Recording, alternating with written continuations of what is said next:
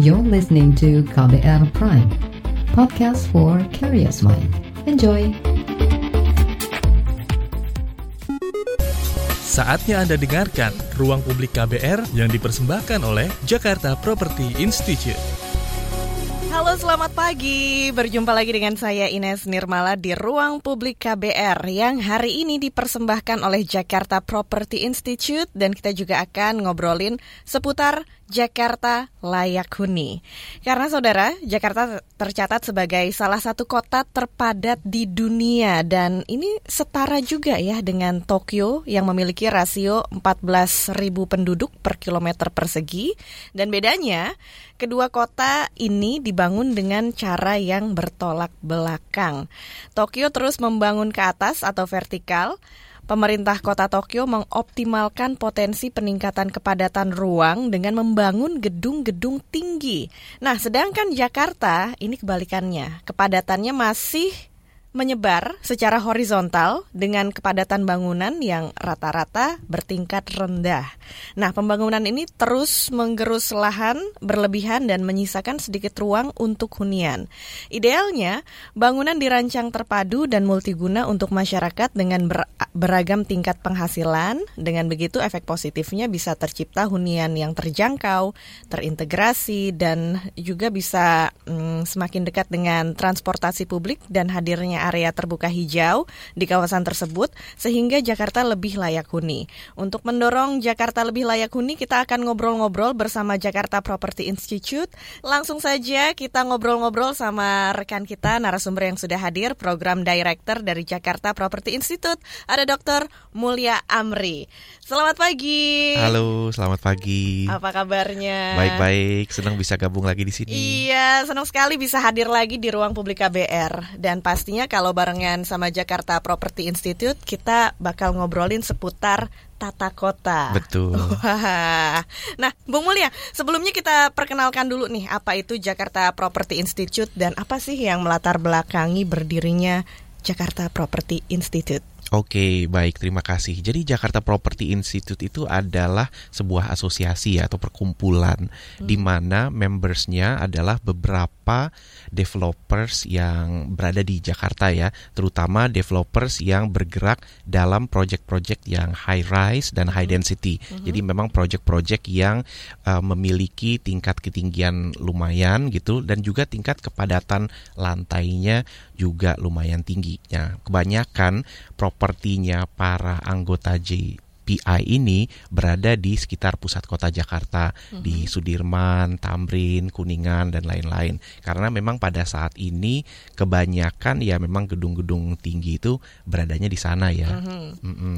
Nah tadi ditanyakan soal tujuannya juga ya diadakannya oh, ya. Jakarta Property tujuannya Institute. apa nih? Betul. Jadi kita itu didirikan tahun 2015 dan hmm. tujuannya adalah ingin menjadikan Jakarta sebagai tempat yang menarik untuk tinggal, hmm. untuk investasi dan kita ingin Jakarta itu bisa bersaing dengan kota-kota internasional dunia lainnya ya mm-hmm. seperti kita bisa mulai dari yang dekat-dekat misalnya uh, Kuala Lumpur, Bangkok dan juga suatu saat nanti tentunya Singapura. Mm-hmm. Pada intinya kita ingin Jakarta ini menjadi tempat yang bisa kita banggakan bersama baik dari segi ekonomi maupun sebagai tempat tinggal gitu. Iya. Jadi memang uh, ini punya tujuan yang sangat besar ya untuk merubah wajah Jakarta. Yang bisa kita lihat sekarang Jakarta juga semakin berbenah diri. Betul, ya kan? betul. Kita senang juga melihat perkembangan Benar. itu. Tapi tadi sempat kita ngebandingin Jakarta dengan Tokyo nih. Mm -mm, Wah, iya. ini Tokyo bisa dibilang salah satu kota yang maju, canggih dan uh, di sana juga kalau yang saya lihat-lihat ya dari uh, media sosial atau dari televisi itu uh, benar-benar uh, Tokyo ini kota yang uh, keren lah ya. Iya, siapa yang nggak seneng ke sana ya? Bisa jalan kaki berjam-jam nggak terasa, mm -hmm. tahu udah gempor aja.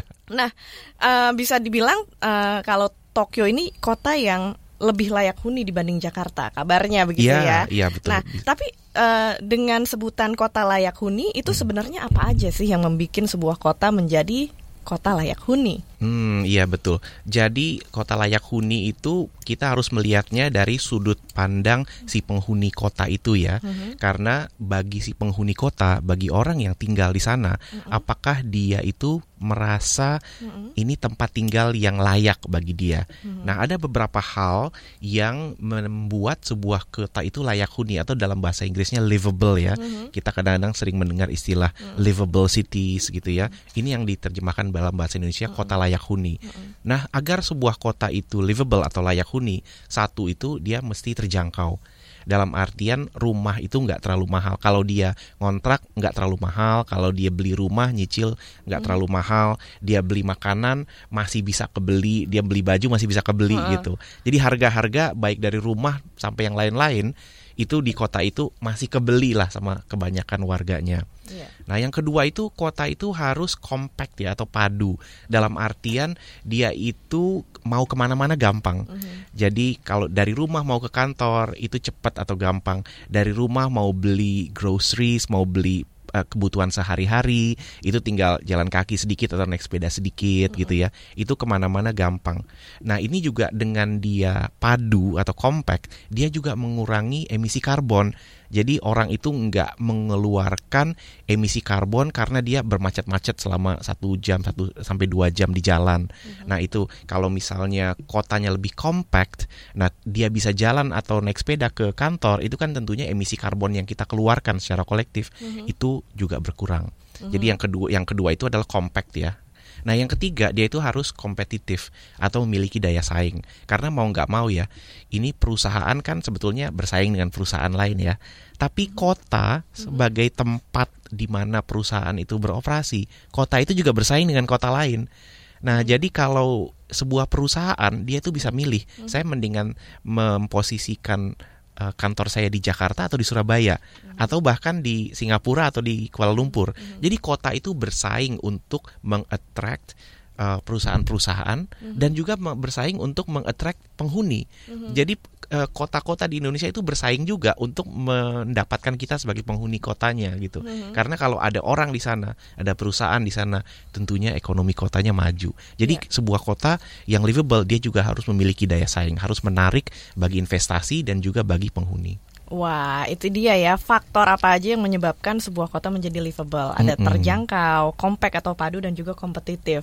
Nah, ini juga yang bakal kita obrolin di pagi hari ini di ruang publik KBR eh, yang temanya adalah JPI untuk Jakarta yang layak huni. Wah, kalau Mas Mul sendiri nih melihat Jakarta sudah seberapa layak hunikah kota kita ini sekarang?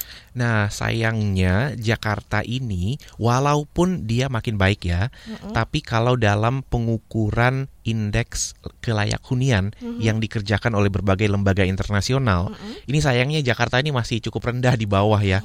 Jadi masih eh, tidak layak huni atau kurang layak huni.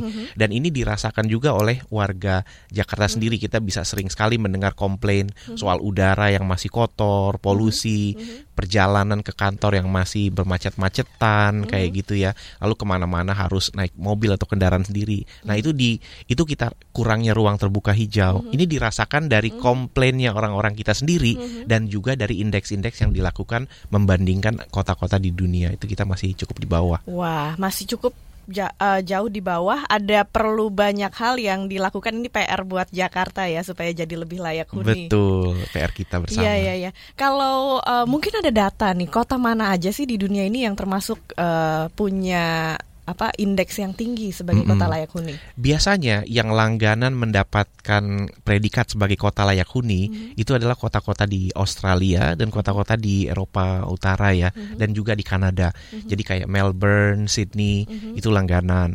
Kalau di Eropa itu kayak eh, Stockholm, Mhm. kayak kota-kota di Eropa Utara.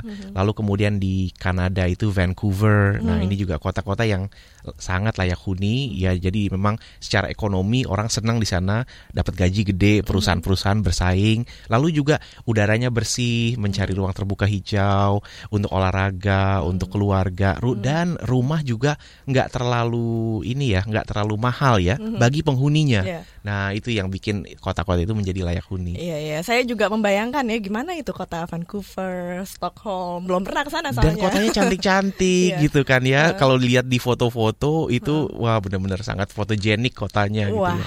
Pengen deh nanti ya ke sana main-main suatu hari ya. Iya amin. Tapi yang jelas eh, saya juga jadi eh, kayak berharap seperti apa nih Jakarta nantinya kalau bisa jadi kota yang layak huni ya. Maksudnya Mm-mm. juga berharap Jakarta bisa punya indeks layak huni yang tinggi gitu dan eh, tadi sudah membicarakan kita seputar keterjangkauan rumah. Nah, apa yang dilakukan Jakarta Property Institute untuk keterjangkauan ini di Jakarta? Ya betul. Jadi ini adalah salah satu concern kita ya, karena di riset yang dikeluarkan oleh Bank Dunia tahun lalu tentang kondisi perkotaan Indonesia, itu harga rumah per pendapatan penduduk di Jakarta itu udah sangat tinggi ya. Dalam artian udah lebih tinggi lagi daripada kota kayak Singapura dan bahkan New York. Nah, ini harga memiliki hunian dibandingkan dengan pendapatan warganya. Jadi Jakarta is not affordable for its residents. Jakarta itu bukan kota di mana kebanyakan warganya bisa membeli rumah sendiri. Nah, ini jadi eh, salah satu yang dikerjakan oleh JPI adalah kita berusaha mencari jalan bagaimana agar kebanyakan warga yang ada di Jakarta itu bisa punya hunian sendiri di Jakarta. Jadi kenapa enggak kalau memang dia identitasnya merasa sebagai orang Jakarta, eh, KTP-nya pun Jakarta dan lain-lain gitu ya. Kenapa enggak dia tinggal di Jakarta gitu? Memang kadang orang ada pilihan ya. Ada yang memang senangnya tinggal di pinggir kota, nggak apa-apa juga gitu. Silakan. Tapi ada orang yang pengennya tinggal di kota, eh, merasa identitasnya ada Jakarta, tapi dia nggak bisa tinggal di Jakarta. Nah ini kita coba cari solusinya. Bagaimana biar bisa lebih banyak ada hunian yang terjangkau di Jakarta. Oh gitu ya. Jadi keterjangkauan ini karena harga dibanding eh, harga rumah dibandingkan pendapatan warga ini berbeda jauh ya. Benar, benar. Wah, bisa dibilang harganya mahal banget kalau dibandingkan kota-kota lain yang layak huni. Sayangnya begitu ya. Wah, iya ya. Nah, gimana nih caranya ya untuk warga Jakarta bisa mendapatkan rumah di sini juga gitu, kerja di sini gitu kan, cari nafkah di Jakarta, tapi banyak memang orang yang commute gitu ya, Mm-mm. keluar eh, maksudnya di luar kota lah tinggalnya di daerah Depok, di daerah Bo- Bogor, Bekasi kayak gitu kan ya selama ini. Betul, betul. Makanya setiap pagi itu tol Jor itu selalu penuh sama kendaraan. Iya, iya, iya. Ya. Oh. Nah, jadi gimana nih Mas? Apakah eh, pendapat bagaimana warga bisa mendapatkan hunian di tengah kota ini? Nah, betul. Jadi dan bukan cuma Jor ya, Jor itu yang ke selatan yang tinggalnya di Bogor. Lalu Iya. ada juga yang ke eh, timur ya, ke Bekasi. iya. Ada juga yang ke Tangerang. Jadi ke mana-mana pun orang tinggalnya itu di jauh dari pusat kegiatannya dia. Jadi nggak bisa dipungkiri pusat ekonominya itu masih di Jakarta.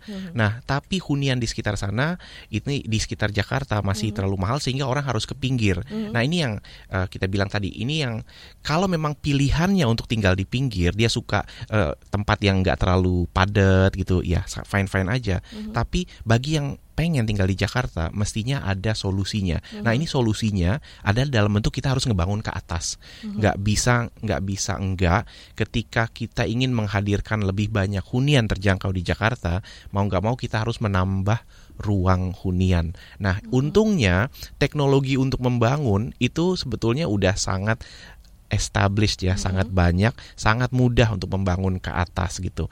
Harga tanah di Jakarta itu sendiri udah jauh lebih mahal daripada biaya konstruksinya. Nah, sehingga harga tanah itu harus diatasi dengan membangun ke atas, memperbanyak lantai, memperbanyak unit hunian agar orang bisa tinggal di Jakarta. Mhm. Ya. Nah, kita juga nanti akan lanjutkan lagi ngobrolin seputar Jakarta yang layak huni bersama Jakarta Property Institute. Kita sambung lagi obrolan kita, tapi sebelumnya kita akan kembali lagi setelah yang satu ini. Masih Anda dengarkan Ruang Publik KBR yang dipersembahkan oleh Jakarta Property Institute. Kembali lagi di ruang publik KBR dan menarik sekali pagi hari ini kita lagi membicarakan seputar Jakarta Layak Huni bersama Jakarta Property Institute dan sekarang sudah hadir di studio kita program Director Jakarta Property Institute yaitu Dr. Mulia Amri.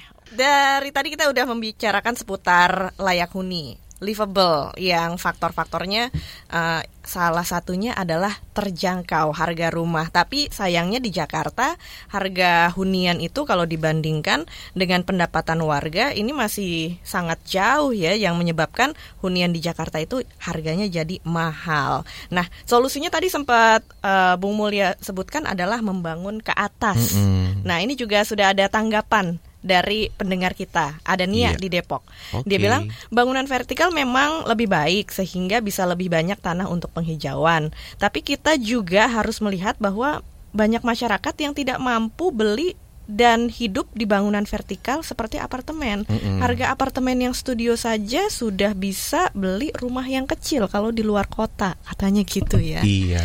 Iya, dan ini juga uh, mungkin senada dengan chat yang masuk lewat YouTube kita ada Rizal yang uh, nanya gimana solusinya nih karyawan yang berpenghasilan pas-pasan tapi pengen punya rumah di pusat kota. Hmm, oke. Okay. Ya. Saya Gimana jawab tuh? dulu. Yang pertama mm -hmm. dulu ya. Mm -hmm. Harga apartemen tidak terjangkau. Mm -hmm. Itu agak terbalik ya kalau di Jakarta sekarang. Mm kesannya apartemen itu yang banyak yang mahal, mm -hmm. sementara rumah itu murah mm -hmm. gitu ya. Ini sangat berkebalikan dengan kota-kota lain di seluruh dunia mm -hmm. yang mengembangkan prinsip compact city. Yeah. Contohnya kayak kalau di Singapura itu harga apartemen itu murah relatif ya mm-hmm. dibandingkan dengan punya rumah tapak. Mm-hmm. Kebayang kalau orang punya rumah tapak di Singapura mm-hmm. itu dia kayaknya minta ampun Wah, gitu ya. Tajir banget tuh tajir ya. Tajir banget kalau punya rumah. Kalau tinggal di apartemen biasa aja. Yeah. Demikian juga kalau kayak di kota kayak di London mm-hmm. atau di New York mm-hmm. dan di Tokyo ya. Mm-hmm. Karena ini adalah kota yang sangat compact yang memahami bahwa tanah itu harganya mahal. Mm-hmm sehingga coba dicek di sana harga rumah di Tokyo, harga rumah tapak di New York City dibandingkan dengan harga apartemen. Ya jauh lebih murah tinggal di apartemen karena tanah itu mahal banget harganya. Ya. Nah, di kita kenapa harga apartemen kok mahal? Nah, nah karena sejauh ini uh, apartemen ini lebih banyak disediakan untuk kalangan yang mm -hmm. ini ya uh, menengah ke atas gitu ya, yeah. Ya. uh, dan juga masih sangat sedikit apartemen yang terjangkau. Apartemen itu tidak harus sama dengan mahal. Mm-hmm. Ada kan ada rusunawa, rumah susun untuk disewa, rumah susun untuk dimiliki. Itu kan semua apartemen ya. Dan juga yang kelas menengah, kelas menengah uh, kayak uh, berbagai macam ya kayak Kalibata City, kayak Basura dan lain-lain. Itu kan yang kelas yang kelas menengah. Yeah. Nah, ini ini yang kurang banyak mm-hmm. uh, sehingga apartemen tuh nggak harus mahal sebetulnya. Iya betul ya, nggak harus mahal. Dan kita sekarang angkat dulu telepon yang sudah masuk dari pendengar kita. Ada Dea di Jakarta. Halo, selamat pagi Dea. Pagi. Iya. Uh, Pak, saya mau tanya, kalau untuk apartemen itu uh, untuk saat ini cicilannya berapa ya? Terus akan dibangun di daerah mana dan bagaimana dengan fasilitas-fasilitasnya? Itu aja. Terima kasih. Oke Dea, terima kasih sudah bergabung ya. Punya pertanyaan seputar cicilan nih dan bagaimana pembangunannya mau di daerah mana aja gitu. Iya, betul. Saat ini memang apartemen yang ditawarkan di Jakarta dan sekitarnya di Jabodetabek cukup bervariasi ya. Mm-hmm. Kita udah mulai melihat uh, makin banyak apartemen yang ditawarkan. Jadi kalau dulu itu kebanyakan yang ditawarkan adalah apartemen kelas atas. Uh, paling kemudian ada rusun satu dua gitu, nggak banyak. Mm-hmm. Sekarang udah mulai muncul apartemen yang dikembangkan dikembangkan dan biasanya itu di dekat dengan stasiun kereta atau hmm. stasiun LRT, MRT gitu ya. Dan ini banyak juga yang kelas menengah. Hmm. Nah, ini dari segi cicilannya ini cukup bervariasi juga ya. Memang uh, kita pernah mengadakan survei dan itu kebanyakan sih bilang uh, uh, untuk milenial yang bekerja profesional di Jakarta itu cicilannya kalau bisa kurang dari 3 juta. Kalau sekarang ini memang untuk cicilan apartemen masih di atas itu ya. Hmm. Um, uh, tapi sebetulnya ini yang pengen kita kurangi mm-hmm. agar ca- salah satu caranya dengan memperpanjang uh, tenurnya cicilannya membayar mm-hmm. cicilannya bisa berapa lama gitu mm-hmm. ya tapi sekarang mau yang kalau yang cicilannya sekitar uh, uh, 5 juta 6 juta 7 juta itu juga udah ada mungkin ini kan kembali lagi tergantung kita mau pasang uh, bersedia bayar uh, down payment berapa di awal hmm. terus kemudian bayar cicilannya berapa. Hmm. Jadi cicil uh, opsinya makin banyak sih hmm. sekarang walaupun dari segi cicilannya masih uh, mungkin banyak yang merasa belum mampu ya gitu ya tapi ini ya. udah makin baik sekarang iya jadi uh, memang program cicilan ini banyak yang dilirik sama orang-orang untuk membeli apartemen ya Betul. termasuk kaum milenial nih ya iya. yang bekerja gitu dan pengen punya hunian di tengah Jakarta nah kalau di Jakarta sendiri mungkin tadi pertanyaan uh, Dea juga uh, daerah mana aja sih yang kelihatannya uh, sekarang ini lagi akan banyak dibangun properti dengan hunian vertikal itu. Nah, iya. Sekarang akan banyak dikembangkan di daerah sekitar uh, stasiun-stasiun ini ya, kereta mm -hmm. uh, apa namanya entah itu KRL, itu MRT mm -hmm. atau LRT mm -hmm. dan juga eh, pusat-pusat uh, um, simpul-simpul transportasi dengan hmm. busway juga dengan hmm. Transjakarta. Hmm. Jadi silakan aja dieksplor. Cukup banyak yang lagi dikembangkan di sana karena sekarang juga nanti kita akan bahas tentang topik ini ya, bagaimana hunian itu terintegrasi dengan sistem transportasi juga hmm. gitu. Jadi ini uh, kalau mau mencari di mana sedang banyak dibangun atau direncanakan untuk dibangun apartemen uh, vertikal dan relatif lebih terjangkau hmm. di Jakarta dan sekitarnya itu adalah di dekat sekitar kawasan-kawasan stasiun. Eh, iya, uh, iya, iya. Karena itu juga jadi lebih memudahkan warga untuk ke mana-mana jadi gampang ya karena dekat dengan halte, dekat dengan stasiun KRL Betul. yang istilahnya tadi adalah compact ya Mas ya. Iya, compact terpadu. compact terpadu. Nah, ini juga ada tanggapan dari WhatsApp pendengar kita Tasya di hmm. Jakarta. Jika makin diperbanyak hunian atau gedung vertikal, apakah tidak berbahaya ya untuk tanah? Terutama di Jakarta ini juga tanahnya katanya turun dan air tanah juga sangat berkurang. Nah, gimana tuh Mas? Iya, oke. Okay. Jadi di Jakarta memang ada daerah-daerah yang tanahnya itu turun ya. Hmm. Nah, dan sebetulnya di Jakarta juga ada daerah-daerah yang tidak atau kurang layak untuk dibangun sama sekali. Mm-hmm. Nah, ini sebetulnya di daerah-daerah yang tanahnya turun dan daerah yang memang sebetulnya dari awal mungkin kurang layak untuk dibangun ya. Mm-hmm. Mungkin misalnya harusnya dia daerah resapan. Itu memang mm-hmm. harusnya tidak dibangun ya. Mm-hmm. Atau kita kurangi sebanyak mungkin pembangunan di tempat-tempat tersebut. Mm-hmm. Jadi itu betul uh, concern itu ada betulnya, tapi kita juga jangan lupa bahwa di Jakarta banyak um, lahannya yang sebetulnya nggak nggak sedang sinking, tidak sedang turun atau uh, tenggelam begitu ya. Mm-hmm. Nah ini di kawasan-kawasan yang tanahnya fine fine aja gitu, mm-hmm. kenapa enggak ini kita optimalkan, kita perbanyak di sana. Mm-hmm. Jadi jangan kita ber pandangan bahwa pembangunan itu disebar ke mana-mana, termasuk di daerah-daerah yang harusnya nggak dibangun dibangun gitu, yeah, yeah, dan di yeah. daerah yang harusnya boleh dibangun itu pembangunan ditahan. Yeah. Nah ini kan jadi nggak make sense. Harusnya di daerah yang tidak boleh dibangun ya jangan dibangun, di daerah yang bisa dibangun ya diperbanyak bangunnya di sana gitu. Nah tadi kaitannya dengan air tanah, mm -hmm. um, harusnya sebuah kota even dia kecil itu udah nggak boleh lagi ngambil air tanah. Jadi para pemirsa di sini, yeah. Iya. uh, termasuk kita kita juga mm yang masih ngambil air tanah itu harusnya udah nggak boleh lagi Jadi gitu. dong kalau Harusnya memang pakai air pipa. Uh -huh. Itu airnya itu dibawa dari waduk. Kalau kita kan sekarang ada Jatiluhur dan iya. lain-lainnya kita perbanyak itu kapasitas air bakunya itu diperbanyak mm-hmm. dan semua orang itu ngambil air itu dari air pipa dan ini oh. biasa terjadi di kota-kota lain di dunia airnya itu da- kadang datang dikirim dari ratusan kilometer kayak air di Los Angeles mm-hmm. itu banyak dikirim dari sekitar uh, ini ya San Francisco oh. beratus-ratus kilometer dikirim mm-hmm. karena orang nggak boleh ngambil ya kalau di Los Angeles karena memang dia kering ya. Iya. Tapi harusnya orang memang nggak boleh ngambil air tanah langsung. Nah ini kita kita nih yang ada di sini masih ngambil air tanah di Jakarta. Ini yang bikin Jakarta sinking ya kita kita juga yang pada punya pompa di rumah. Oh gitu. Jadi emang air tanah itu ya biarkan aja di dalam tanah ya karena kalau diambil terus menerus ini yang bikin tanah jadi turun. Iya. Oh gitu. Nah ini penting nih ya untuk kita ketahui juga. Dan sekarang ada pendengar kita lewat telepon ada Tri di Jakarta. Langsung saja kita angkat. Halo, selamat pagi Tri. Selamat pagi Mbak. Iya, silakan punya komentar atau pertanyaan apa nih?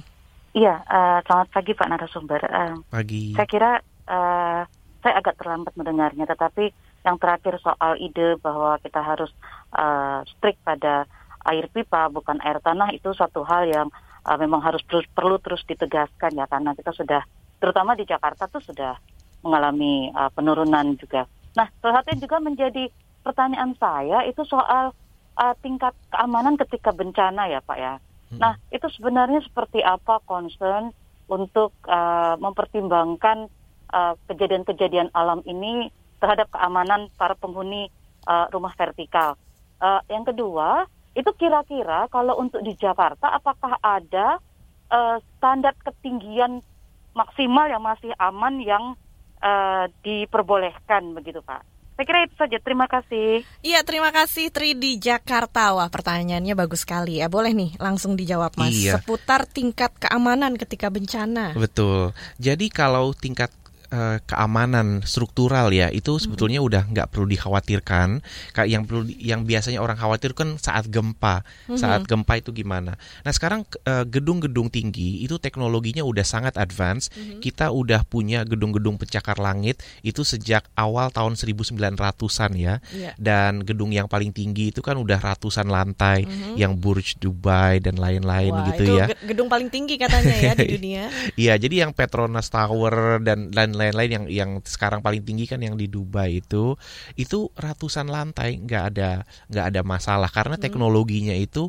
udah memungkinkan udah aman udah udah cukup standar lah ya hmm. tinggal orang sekarang kemudian mau punya duit sanggup berapa untuk ngebangun e, berapa lantai ke atas. Iya. Jadi yang permasalahan bukan teknologi keamanannya lagi, tapi lebih ke soal uangnya ada apa enggak untuk ngebangun ke atas. Mm-hmm. Nah, memang ini jadi yang lebih bahaya pada saat kita itu gempa, mm-hmm. yang lebih bahaya adalah e, kita ketimpa barang-barang dari atas, hmm. misalnya kayak genteng lah dan lain-lain gitu. Yeah. Nah ini malah justru uh, resikonya malah lebih besar di rumah biasa gitu ya, hmm. yang punya genteng yang uh, ethernetnya dari hmm. dari plafon kayak gitu. Hmm. Ini yang lebih lebih bahaya karena kalau gedung-gedung bertingkat dia udah pakai tulangan beton, kadang yeah. tulangan baja kayak yeah. gitu ya. Itu sebetulnya udah udah nggak terlalu ada yang perlu dikhawatirkan ya, walaupun bisa dimengerti Betul. orang mungkin agak khawatir kan kita yeah. ada adanya di atas gitu iya, ya. betul. Iya. Jadi tingkat keamanan ketika bencana ini uh, sekarang karena teknologi yang sudah semakin canggih jadi gedung-gedung tinggi pun tetap aman walaupun terjadi bencana misalnya gempa bumi iya, gitu ya. betul. Nah, kita akan lanjutkan lagi ngobrol-ngobrol kita bersama JPI untuk Jakarta Layak Huni dan jangan ke mana-mana kita akan kembali setelah yang satu ini. Masih Anda dengarkan Ruang Publik KBR yang dipersembahkan oleh Jakarta Property Institute. Siaran Ruang Publik juga bisa Anda simak lewat YouTube channel Berita KBR dan pagi hari ini saya masih bersama Mulia Amri dari Jakarta Property Institute dan kita membicarakan seputar Jakarta Layak Huni. Buat Anda yang ingin mendengarkan lagi siaran Ruang Publik bisa Anda dengarkan lewat podcast di www.kbrprime.id pilih Ruang Publik. Dan buat Anda yang ingin bergabung, masih kita tunggu silahkan hubungi di 0800 140 3131 telepon bebas pulsa ataupun lewat WhatsApp di 0812 118 8181. Wah, makin menarik nih ya, Bung Mulia yang kita obrolkan. Iya, betul. Dan tadi juga sudah ada pendengar kita yang masuk lewat telepon Tri di Jakarta yang bertanya nih seputar uh, standar ketinggian maksima uh, maksimu maksimum di Jakarta. Ini seberapa tinggi bangunan bisa dibangun di Jakarta? Nah, ini memang di Jakarta ini uh, kita buk yang diatur itu uh, tidak selalu ketinggian bangunannya ya. Jadi mm -hmm. pada saat ini bangunan yang paling tinggi di Jakarta itu sekitar 60-an lantai ya. Mm -hmm. Jadi di Jalan Kuningan mm -hmm. sama ada satu lagi di di SCBD oh, gitu. yang hotel itu ya di Iya, yang baru ya. baru di Kuningan. Itu paling tinggi 60. Itu udah memaksimalkan KLB-nya sih dan uh, yang di uh, yang diperbolehkan gitu mm -hmm. uh, oleh oleh pemerintah uh, DKI Jakarta. Jadi dia mm -hmm dibatasinnya itu dengan um, dia punya lahan berapa, mm-hmm. lalu kemudian dari luas lahan tersebut dia boleh ngebangun lantai seluas berapa kali dari luas lahannya gitu. Oh. Nah jadi kalau misalnya dia lahannya itu eh, satu hektar misalnya, satu Mhm. hektar kan sepuluh ribu sepuluh ribu meter persegi gitu Betul. ya.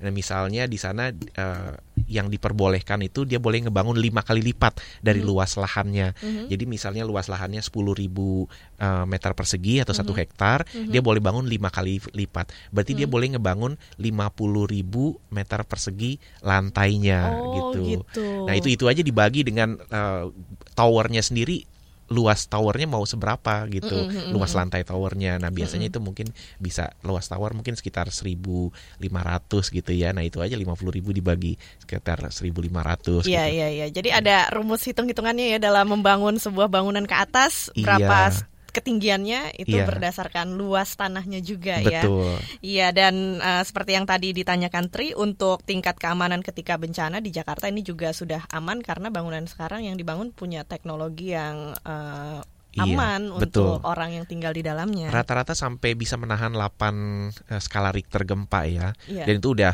udah gede banget 8 Mm. skala Richter itu kan Mm. kalau eh, bangun sampai 8 skala Richter bangunan itu masih bisa bertahan kebayang bangunan-bangunan rumah-rumah biasa yang yang Mm. di bawah Mm-mm. itu udah banyak yang lebih hancur lagi kali ya Iya, iya, iya. Oke, dan ngobrolin seputar hunian, ini juga tadi disebut salah satu faktor sebuah kota itu livable adalah compact atau padu. Ke mana-mana gampang, bisa deket ke kantor, atau kita mau eh, beli barang-barang yang kita butuhkan sehari-hari, mau ke sekolah, itu jadi lebih gampang, mudah. Nah, so- soal keterpaduan nih, Bung Mulya, Mm-mm. seperti apa nih JPI melakukan advokasi soal keterpaduan untuk Jakarta? Iya, jadi kita me- ikut mempromosikan perlunya Jakarta itu di dan bukan hanya Jakarta sebetulnya secara umum kota-kota Mhm. mana pun Mhm. itu harus dirancang secara terpadu. Dalam artian apa? Kalau bisa daerah perumahan dengan Mhm. daerah perkantoran Mhm. dan daerah tempat orang itu mencari hiburan, Mhm. daerah orang itu belanja dan lain-lain gitu ya. Iya. eh, itu semua ada di daerah-daerah yang dekat-dekat situ aja Hmm. sehingga kalau nggak perlu-perlu amat orang itu nggak perlu travel jauh-jauh dia cukup keluar dari rumahnya atau keluar dari apartemennya Hmm. dia jalan kaki eh, radius sepanjang 15 menit eh, ke sana ke eh, misalnya ke timur atau ke barat itu apa pun yang dia cari untuk kebutuhan sehari-hari itu udah dapat Mm-mm. jadi itulah yang kita maksud dengan kota yang terpadu kota yang padu itu ya kota yang compact Mhm. Eh, oke lah kadang-kadang kita nggak bisa selalu menentukan kita kantornya di mana Iya betul. Oke nggak apa-apa. Kadang kantor mungkin mas memang masih harus pergi keluar dari radius 15 menit jalan kaki itu ya. Iya. Tapi selain harus ngantor, ya kenapa enggak beli pakaian sehari-hari, beli baju apa namanya beli groceries atau kebutuhan makan sehari-hari, Mm-hmm. eh, mencari hiburan, nonton dan eh, atau pergi ke taman itu semua ada dalam jarak radius jalan kaki 15 menit gitu. Nah Mhm. inilah gini dengan begini ini Jakarta bisa padat Mhm. tapi tidak sumpek itu loh. Mhm. Uh, jadi memang uh, kalau semakin banyak orang bisa tinggal di satu tempat itu, itu bisa lebih padu, uh, bisa lebih padat, tapi yang kita harapkan dia tidak sumpek. Nah sekarang ini kalau kebanyakan pembangunannya adalah low rise, Iya. uh, ba- bangunan-bangunan rumah biasa satu lantai, dua lantai, tiga Mhm. lantai, nah itu pada akhirnya akan sumpek, akan crowded karena semua orang uh, ngumpul di dalam satu dua lantai aja. Iya. Tapi kalau kita go vertikal, nah itu kemudian ruang yang tercipta bisa lebih banyak, nggak sumpek lagi, padat tapi nggak sumpek. Nah ini pada akhirnya kita bisa lihat contoh kayak kota Mhm. ya, New York, Paris, Singapura, dia padat tapi teratur, fasilitas pejalan kakinya baik dan kita nggak nggak ngerasa sumpek gitu. Mm-mm. Jarak antar bangunannya masih ada cukup, masih ada Mhm. taman-taman gitu. Mhm. Nah di sini kita sebetulnya rada ironi ya, Iya. karena karena kita pembangunannya hanya di satu dua tiga lantai, Iya. akhirnya ruang untuk taman itu habis. Betul. Nah itu akhirnya jadi orangnya banyak, tapi yang terasa bukannya compact, yang terasa malah crowded gitu. Betul, nggak ada ruang terbuka gitu ya. Jadi anak-anak kalau mau main juga main bola ya di jalanan raya aja nah, gitu itu kan. dia akhirnya. iya. Nah, inilah ke uh, yang dilakukan oleh Jakarta Property Institute melalui advokasi ikut membantu perbaikan uh, tata ruang juga ya. Kota boleh padat tapi nggak sumpek Iya, dan teratur. Betul. Iya, jadi ini lebih bagus juga buat Jakarta, buat warga di kota itu karena uh, lebih mudah untuk uh, mendapatkan transportasi ke kantor bisa lebih cepat kayak gitu. Dan sekarang juga sudah ada penelpon kita yang bergabung. Ada Ali di Bekasi. Ya, langsung aja kita angkat teleponnya. Selamat pagi Ali. Halo Mbak Ines, saya Iya. Pak Ali di Bekasi. Selamat pagi Pak Ali. Silahkan punya komentar atau pertanyaan apa? Iya, saya sebenarnya sih kalau untuk investasi rumah setuju sekali ya, itu sangat bagus itu. Mm-mm. Saya mengajarkan ke anak-anak juga untuk kalau bisa beli rumah, kalau investasi jangan kendaraan, jangan yang lain. Kalau rumah itu harganya naik terus. Tapi kalau untuk beli rumah apartemen di zaman sekarang itu kayaknya kok sulit ya. Ya. Untuk makan sehari-hari saja susah. Mm-mm. Ya. Ini bagaimana apa ada program bantuan mungkin seperti misalnya rumah subsidi kalau Mhm. rumah biasa kan Iya. apartemen ada tidak? Oke. Terima kasih. Iya, terima kasih Pak Ali yang ada di Bekasi. Seputar ini lagi ya harga. Keterjangkauan. Iya, di mana eh, Pak Ali ini bertanya apakah ada program bantuan nih buat masyarakat dalam eh, mempunyai hunian vertikal. Kayak rumah kan ada rumah bersubsidi. Kalau Iya, apartemen betul. gimana nih, Mas? Iya, apartemen itu sebetulnya juga ada apartemen bersubsidi ya. Itu kan kalau kita lihat program pemerintah untuk eh, rumah susun, itu kan sebetulnya juga apartemen yang bersubsidi ya. Rumah susun apartemen itu kan sebenarnya sama aja rumah yang disusun-susun ke atas kayak gitu. Nah, em, memang kembali lagi kalau dari segi keuangan itu belum mencukupi atau belum siap, ya kita mungkin belum bisa ya membeli rumah maupun membeli apartemen ya memang belum belum bisa. Tapi kalau uh, kita bisa mencari program subsidi dari pemerintah itu ada beberapa program subsidi baik itu untuk rumah tapak maupun untuk uh, apartemen dalam bentuk rumah susun ini. Nah, sebetulnya developer itu juga punya kewajiban untuk membangun rumah susun. Nah, ini yang ketika developer itu membangun sebuah proyek yang besar, nah itu dia dikenakan kewajiban untuk menyumbangkan 20% dari lahan yang dibangun untuk komersial itu untuk eh, setara dengan rumah susun. Nah, cuma itu kewajibannya hanya untuk membangunnya, mengkonstruksinya. Nah, lahan untuk membangun rumah susun itu harus disediakan oleh pemerintah setempat dalam hal ini pemerintah DKI. Jadi dalam kondisi di mana pemerintah DKI itu bisa menyediakan tanahnya, nah ini dana kewajiban dari developer ini bisa dibangun untuk rumah susun. Kayak yang kita lihat di beberapa tempat ya, kayak yang di Marunda, di eh, nah sayangnya eh, di Rawa Bebek dan lain-lain. Sayangnya masih jauh-jauh gitu dari pusat kota. Nah, ini yang dan banyak kewajiban dari developer untuk membangun rumah susun yang belum terlaksana. Jadi itu developer tuh masih punya utang kepada DKI Iya. untuk membangun rumah susun. DKI itu jadi sebenarnya tinggal nagih aja ke developer, ayo bangun rumah susun. Nah, tapi tantangannya DKI harus menyediakan lahannya.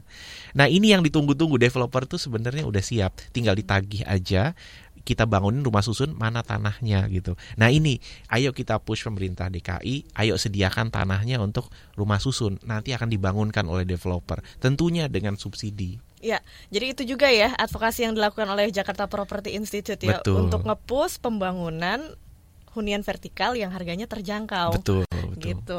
Dan juga ada berikutnya penelpon kita dari Bekasi, Sinta. Langsung aja kita ajak ngobrol. Halo, Sinta, selamat pagi.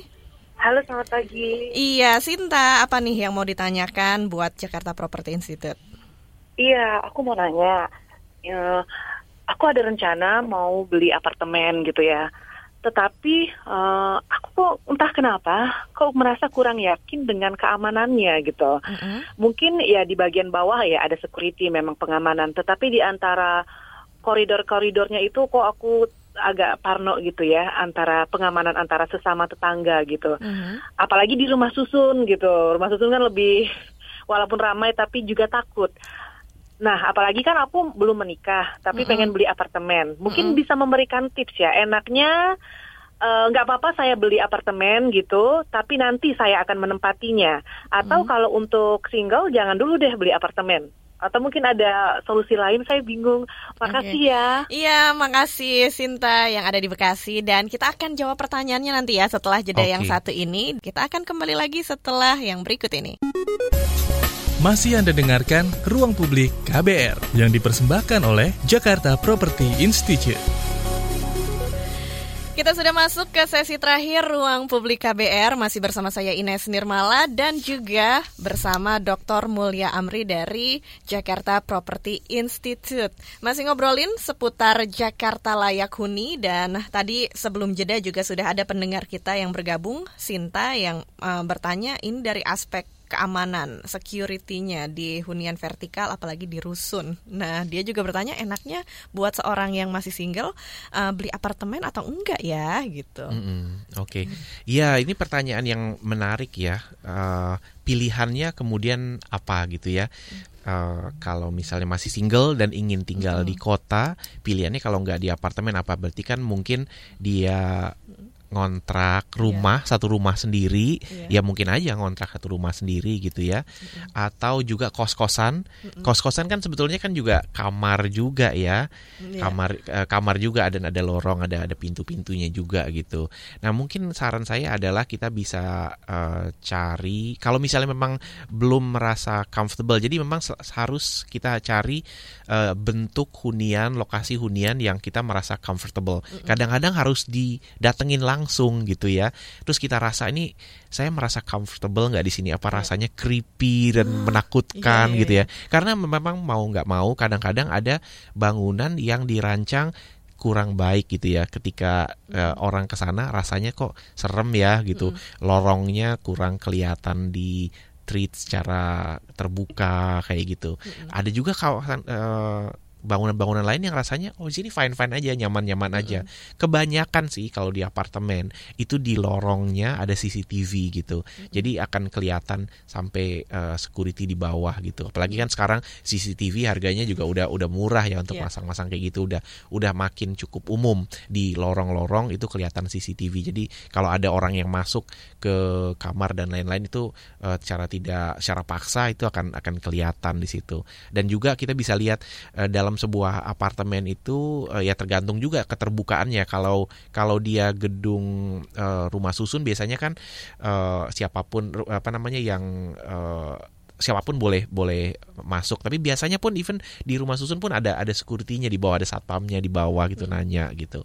Nah kemungkinan mungkin dari sesama penghuni yang lain ya gitu. Jadi memang kembali lagi opsinya apa? Apakah kos kosan gitu Eh, lebih berani kah di kos kosan dibanding dengan apartemen? Kalau memang merasa eh, kurang nyaman ya cari opsi yang lain yang membuat kita nyaman. Jangan sampai kita maksain eh, dan ternyata itu membuat kita malah jadi nggak nyaman tinggal di sana. Iya, jadi itu disesuaikan juga dengan kita, walaupun kita single atau sudah berkeluarga ya, kita pilihlah mana yang lebih cocok untuk eh, kita sendiri gitu Betul. ya. Nah, sekarang juga sudah banyak pendengar kita lewat YouTube, lewat live chat yang ikut bergabung. Ada Lili nih yang bertanya, Pak, jika beli apartemen, sertifikat atau surat-suratnya bagaimana? Gitu. Karena ini mungkin banyak juga di pikiran eh, orang-orang yang ketika mau beli apartemen, wah ini bukan surat hak milik nih yang saya Iya. dapat gitu. Betul, itu adalah sebuah kekhawatiran atau concern yang sangat kita pahami dan ini juga yang sedang kita upayakan untuk diadvokasikan di pemerintah. Jadi memang pada saat ini kalau kita beli apartemen itu sertifikatnya adalah strata title ya. Dalam artian kita memiliki bangunan itu bersamaan dengan penghuni peng- eh, pemilik-pemilik unit apartemen lainnya di sana. Jadi semacam shared ownership atau kepemilikan bersama. Nah, ini di atasnya di bawahnya itu adalah hak guna bangunan. Jadi yang bisa memiliki sertifikat hak milik atas tanah itu hanyalah individu-individu.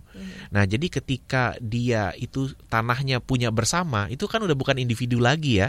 Jadi nggak bisa jadi SHM gitu. Mau nggak mau itu kita punya strata title di atas hak guna bangunan. Masalahnya sekarang hak guna bangunan di Indonesia itu dibatasin maksimum 30 tahun dan bisa diperpanjang 20 tahun lagi. Mhm. Nah, itu jadi kemudian eh, kepemilikan apartemen itu terbatas ada ada umurnya gitu ya.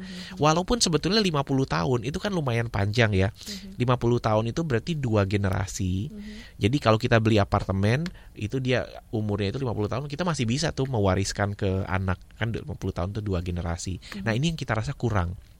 Ya. Sehingga orang itu pengennya beli rumah yang ada tanahnya karena tanah itu seumur hidup. Nah, ini mestinya kita jangan terlalu kontras ya. Satu itu SHM seumur hidup, di sisi lain HGB itu hanya 50 tahun. Ini terlalu jomplang. Kita lagi mempush agar HGB itu bisa 99 tahun seperti di Singapura dan di Hong Kong gitu ya. Itu HGB-nya 99 tahun. 99 tahun bagi kebanyakan orang itu udah cukup. Bisa diwariskan sampai 4 generasi. Satu generasi kan 25 tahun ya. Bisa diwariskan sampai 4 generasi gitu. Ya udah sesudah diwariskan sampai 4 generasi, ya udahlah biarin aja gitu kan. Eh, maruk amat sih gitu. Punya punya harta pengen di keep sampai berbulu-bulu turunan gitu kan. Ya udah biarin aja 4 generasi habis itu udah gitu. Four generations is is enough gitu. Iya, jadi salah satunya yang dilakukan oleh Jakarta Property Institute adalah untuk ngepus ini bagaimana kalau HGB yang diterima oleh pembeli ini bisa jadi lebih panjang Lebih jangka panjang. waktunya ya. Mudah-mudahan ya bisa ada peraturan yang berlaku seperti Iya, itu ya. Betul. Nah, ngobrolin juga seputar Jakarta Layak Huni, salah satu indikatornya tadi yang disebutkan oleh Bung Mulia adalah kompetitif ya. Se- sebuah kota itu perlu untuk kompetitif supaya perekonomiannya juga terus maju gitu. Betul. Nah, apa aja nih yang udah dilakukan Jakarta Property Institute untuk meningkatkan competitiveness daya Iya. saing di Jakarta ini? Nah, ini yang banyak orang suka salah kaprah. Tadi salah satu penanya kita bilang em, kalau beli rumah itu harganya akan naik terus. Apa iya kalau beli rumah itu harganya akan naik terus? Belum tentu. Dia tergantung dari lokasi rumah itu di mana dan kotanya itu kompetitif apa enggak. Iya. Banyak kota di seluruh dunia yang harga rumah udah jatuh. Itu adalah kota-kota yang tidak kompetitif dan kehilangan competitiveness-nya, eh, daya saingnya, dan dia ditinggalkan oleh penghuninya, ditinggalkan oleh perusahaan-perusahaan yang tadinya ada di sana. Jadi nggak ada lagi orang yang mau tinggal di kota itu atau berkurang orang yang tinggal dan berusaha di kota itu. Contohnya apa? Detroit di Amerika ini sering di, eh, dijadikan contoh ya sayangnya. Dulu di awal di pertengahan tahun 1900-an gitu, Detroit itu adalah kota yang sangat prima. Dia adalah pusat industri otomotifnya Amerika. Tapi dia terlalu terfokus ke industri otomotif. Ketika industri otomotif tidak lagi diadakan di Amerika atau dia outsource ke Meksiko, ke negara-negara Asia gitu. Kota itu ditinggalkan oleh industri otomotifnya. Akhirnya kota itu ditinggalkan orang, ditinggalkan penghuni, ditinggalkan oleh eh, perusahaan-perusahaan yang lain yang terkait dengan otomotif dan harga rumah di sana jatuh. Dan kita bisa lihat ada juga kota-kota lain di Indonesia yang udah mengalami itu. Misalnya kota-kota yang berbasis pada em, natural resource, pada sumber daya alam. Misalnya kayak Lok Semawe lah, eh, kayak eh, contohnya lagi eh, Sawalunto berbasis batu bara. Ketika batu bara habis apa? Tadinya banyak ekspat loh tinggal di Sawalunto, di Lok Semawe dan lain-lain. Ketika natural resource-nya habis, kemudian apa ditinggalkan? Apa harga rumah di sana ya jatuh dibandingkan dengan dulu waktu pas Sawalunto lagi lagi jaya-jayanya banyak ekspat ya. Jadi jangan pikir punya rumah harganya pasti naik. Belum tentu. Kalau kotanya tidak ke kompetitif lagi, harga rumah bisa jatuh. Oke, itu dia ya makanya competitiveness itu penting untuk eh, di didukung. Ya. Betul. Kot- Jakarta juga harus bisa tetap kompetitif, selalu bisa mengattract, menarik perusahaan-perusahaan yang sedang berkembang dan menarik tenaga-tenaga kerja seperti ya kita-kita ini, Iya. staff yang memang eh, giat. Iya, dan memang ada wacana ibu kota akan dipindahkan, tetap Jakarta ini jadi kota yang kompetitif ke depannya. Harusnya. Iya. Nah, oke deh singkat saja nih, uh, Bung Mulya, harapan JPI ke depannya untuk Jakarta yang layak huni. Iya, kita harapkan Jakarta itu bisa menjadi tempat di mana orang ini ingin tinggal di sini. Perusahaan-perusahaan mau masuk sehingga tercipta lapangan pekerjaan, tapi tetap kotanya itu tidak polusi, tidak sumpek dan tidak mahal. Nah, inilah harapan kita. Iya, semoga bisa terwujud ya melalui Iya. bantuan dari JPI ini. Oke, thank you banget Bung Mulia Amri sudah datang ke KBR, sudah ngobrol-ngobrol bareng kita seputar Jakarta Layak Huni dan karena waktu yang terbatas kita akhiri aja perbincangan kali ini ya. Sip, terima Iya. kasih waktunya. Terima kasih dan sukses selalu untuk Jakarta Property Institute dan juga pendengar terima kasih atas kebersamaan Anda. Saya Ines Nirmala undur diri. Salam. Baru saja Anda dengarkan Ruang Publik KBR yang dipersembahkan oleh Jakarta Property Institute. KBR Prime, cara asik mendengar berita. KBR Prime, podcast for curious mind.